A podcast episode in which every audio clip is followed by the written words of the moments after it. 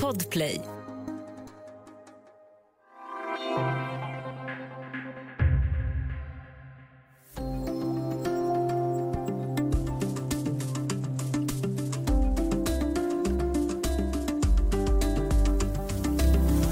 Jag kom hem från USA för en vecka sedan. Skulle förnya mitt pass som kommer att gå ut i november och fick ju en smärre chock. Det fanns ju inga tider någonstans i hela Sverige.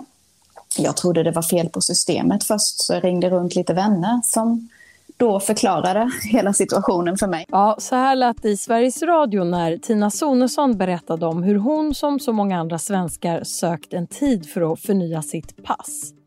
I dagens Studio DN om det omdiskuterade passkaoset och vad polisen gör för att fler ska kunna boka tid för nytt pass. Välkommen, jag heter Ylke Holago. Och med mig idag har jag Kristoffer Örstadius, reporter på Dagens Nyheter. Hej Kristoffer! Hallå, hallå!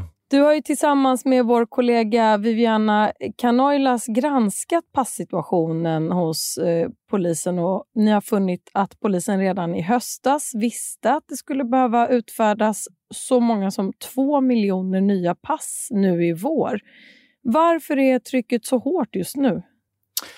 Troligtvis så beror det på att eh, merparten av eh, restriktionerna mot covid-19 har tagits bort. Det skedde ju för ja, ungefär en och en halv månad sedan som regeringen tog bort de här restriktionerna, de allra flesta.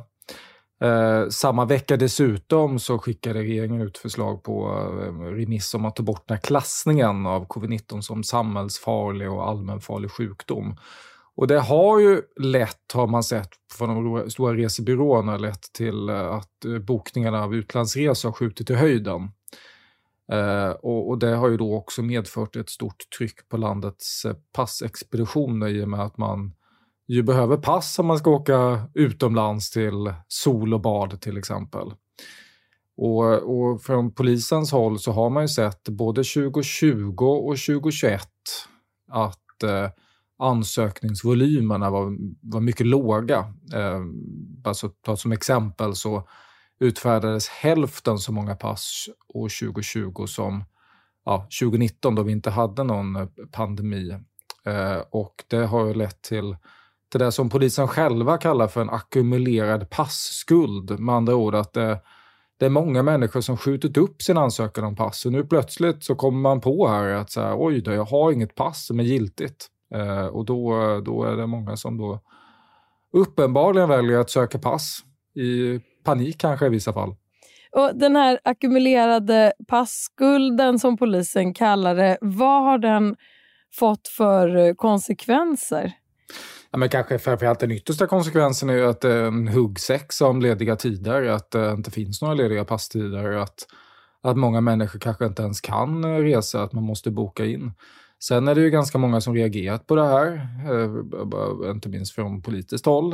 Eh, men det är också ett eh, stort antal människor som har anmält det här till justitieombudsmannen. Oklart om de har börjat titta på det, men där är ju vissa då som anmält hävdar att det här kan vara ett lagbrott. Att man, man är skyldig att kunna tillhandahålla pass inom rimlig tid.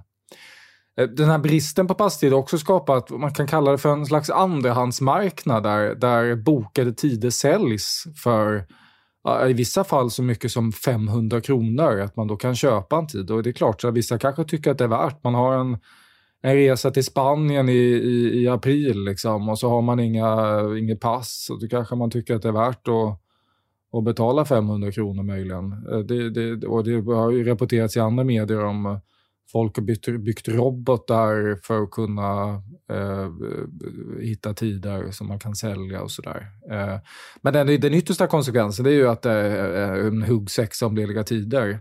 När, när vi tittade för, för för, för några, några, dagar sedan om hur det såg ut när det gäller eh, passläget så eh, kunde vi till exempel se som i Skåne till exempel, där fanns inga lediga tider alls. Eh, i, i Stockholm var första lediga tid i slutet av augusti. I Västra Götaland var första lediga tiden i mitten av september.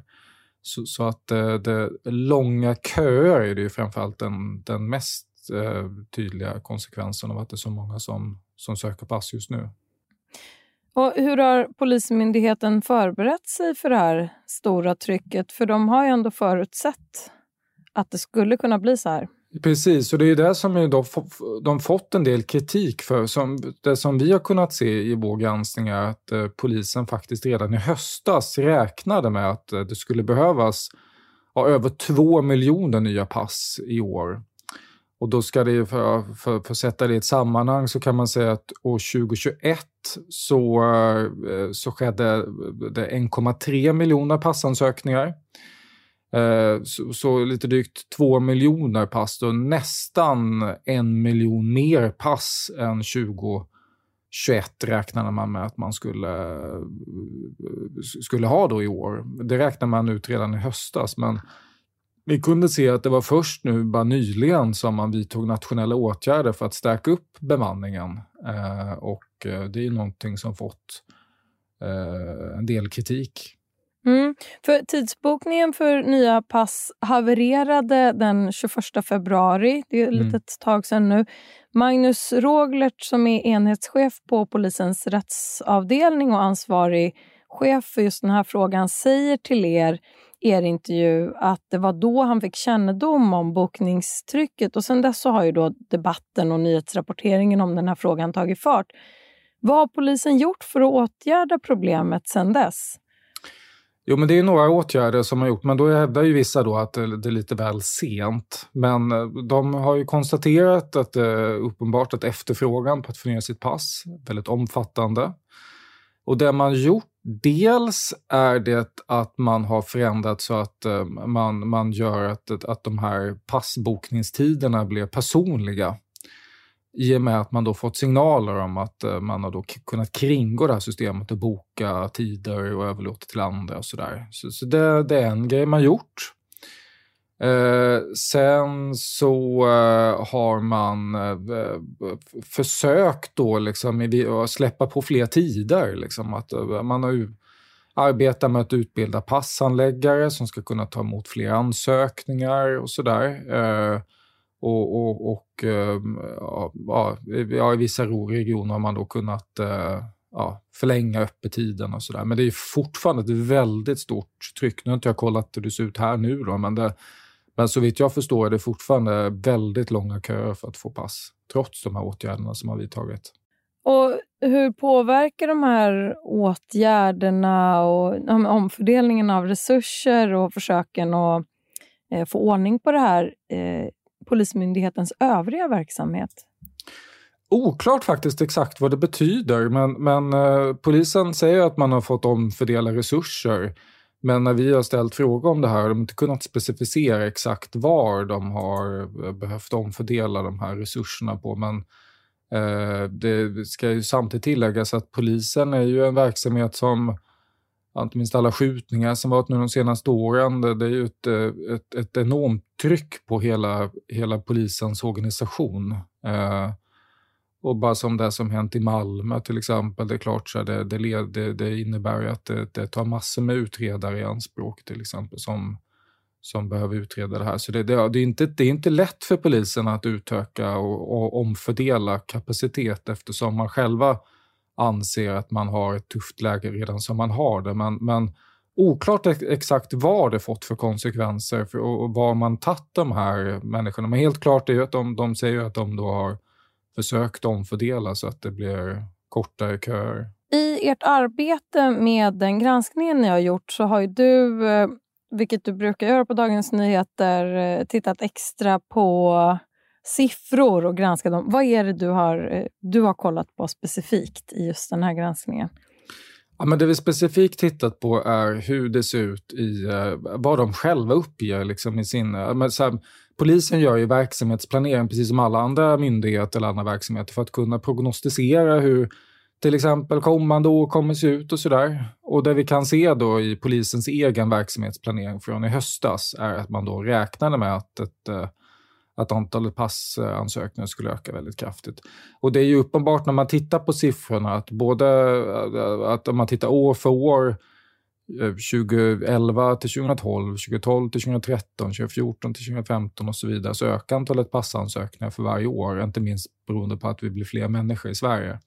Men, men, men år, år 20, 2020 eh, så halverades antalet eh, ansökningar.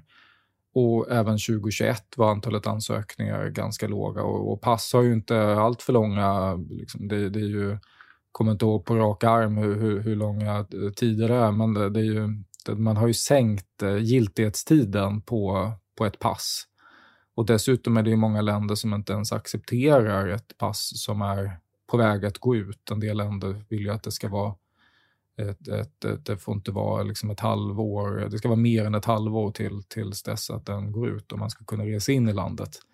Så det är alldeles uppenbart om man tittar på siffrorna att det finns ju ett väldigt stort behov. Det ska, man ska ju föra till protokollet också att det här är ju är någonting som polisen visserligen faktiskt också har, har, har sagt till allmänheten att eh, det, det, det, man skriver det även i sin egen årsredovisning att, man, eh, att det är ett stort Eh, man, man har en stor skuld här att beta av, många som förväntas lämna ut pass. Och då har man ju uppmanat faktiskt allmänheten till att inte göra det på en gång, vilket ju många nu har gjort. Eh, så att, eh, så till polisens försvar kan man kan ju säga att det, det, har pågått kommunikationsinsatser för att uppmana medborgare att se över passens giltighetstid och ansöka om pass i god tid.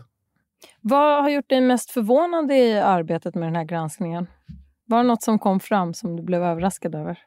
Ja, men det som jag nog är mest överraskad över det, det är nog att det, det tagit så lång tid innan man kunnat vidta nationella åtgärder för att eh, stärka upp bemanningen. Att det skedde först nu i, i mars, eh, trots att man eh, visste att, att, att regeringen tog bort de flesta restriktioner, att man visste att eh, utlandsresorna skjutit i höjden, att man ändå inte vidtagit nationella åtgärder för att stärka upp bemanningen för nu. Det, det, det, det reagerade jag på.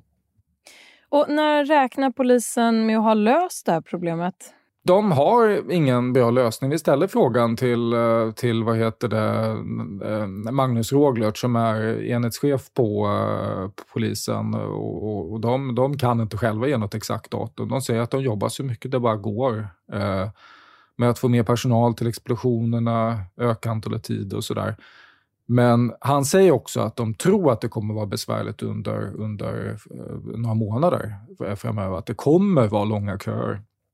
Så avslutningsvis, eh, vilka alternativ finns för den som verkligen måste skaffa ett nytt pass pris just nu? Ja, det där är inte helt lätt. Alltså, så här, det, det, ja, det yttersta man får avboka sin resa, men, men, eh, men men annars är det ju så här, om man, om man saknar ett vanligt pass så, så, går det att ansöka om, om det som kallas för ett provisoriskt pass.